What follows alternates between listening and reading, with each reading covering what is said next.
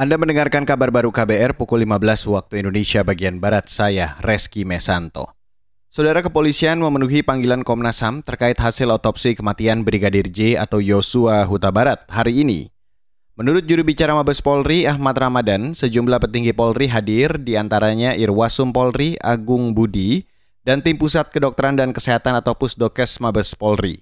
Kabar Intelkam, terus dari Baris Krim Dirpidum, Kapus Dokes dari sama stafnya, ya, ada dua pati dokter ya, terus Kadip Humas sama saya, terus eh, Kom Komnas HAM dengan anggota komisioner lainnya. Saudara itu tadi juru bicara Mabes Polri Ahmad Ramadan. Sebelumnya Komisioner Komnas HAM Hoirul Anam mengatakan, Komnas HAM akan meminta keterangan lengkap tim forensik yang melakukan otopsi terhadap jenazah Brigadir J.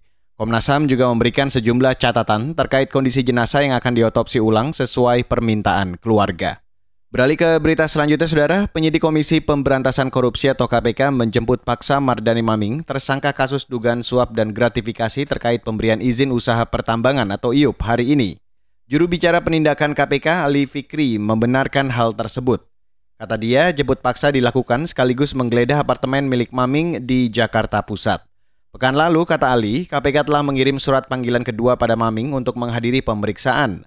Namun Maming tidak kooperatif dan mangkir dari panggilan.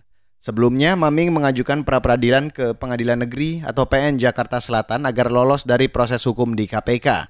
Mardani Maming yang pernah menjabat sebagai bupati ini diduga menerima suap 104 miliar rupiah terkait pemberian izin usaha pertambangan atau IUP di Kabupaten Tanah Bumbu, Kalimantan Selatan. Saudara tim nasional Indonesia U16 ada di grup A Piala AFF U16 2022. Sebagai tuan rumah, Indonesia satu grup dengan Vietnam, Singapura, dan Filipina. Di grup B, Piala AFF U16 diisi Thailand, Timor Leste, Laos, dan Brunei Darussalam. Sementara di grup C dihuni Malaysia, Australia, Myanmar, dan Kamboja.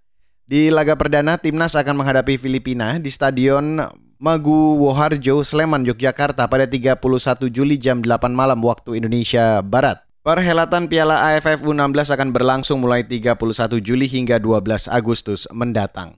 Dan saudara, demikian kabar baru saya Reski Mesanto.